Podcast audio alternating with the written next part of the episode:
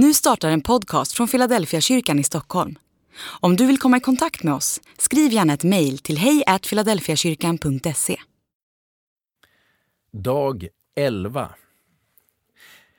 Ni ska få se himlen öppen och Guds änglar stiga upp och stiga ner över Människosonen.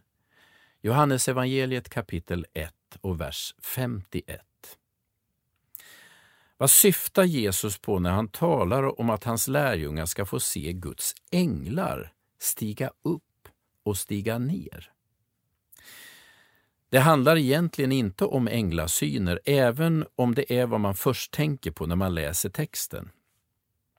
När Jesus talar om att hans lärjungar ska få se änglar stiga upp och stiga ner, så använder han ett andligt kodspråk Innebörden är att hans lärjungar ska få se hur kontakten mellan två olika världar etableras och hur budskap mellan dessa världar kommer att förmedlas.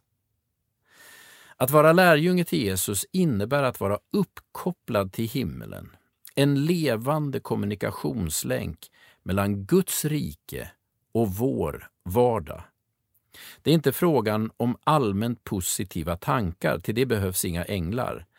Nej, det Jesus syftar på är att Gud själv kommer att tala in i våra liv, ge oss budskap, vägledning och kraft. Det är vad lärjungaskapet handlar om.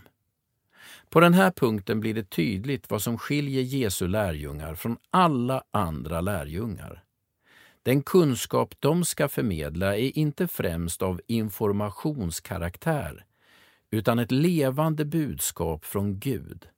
En öppen dörr mellan himlen och våra liv. Så var det med kallelsen till lärjungaskapet då och så är det med kallelsen till lärjungaskapet nu. Andlig övning du är en levande länk till Gud. Det betyder att Gud talar in i ditt liv. Ta fem minuter och bara lyssna. Vad säger Gud in i ditt liv idag?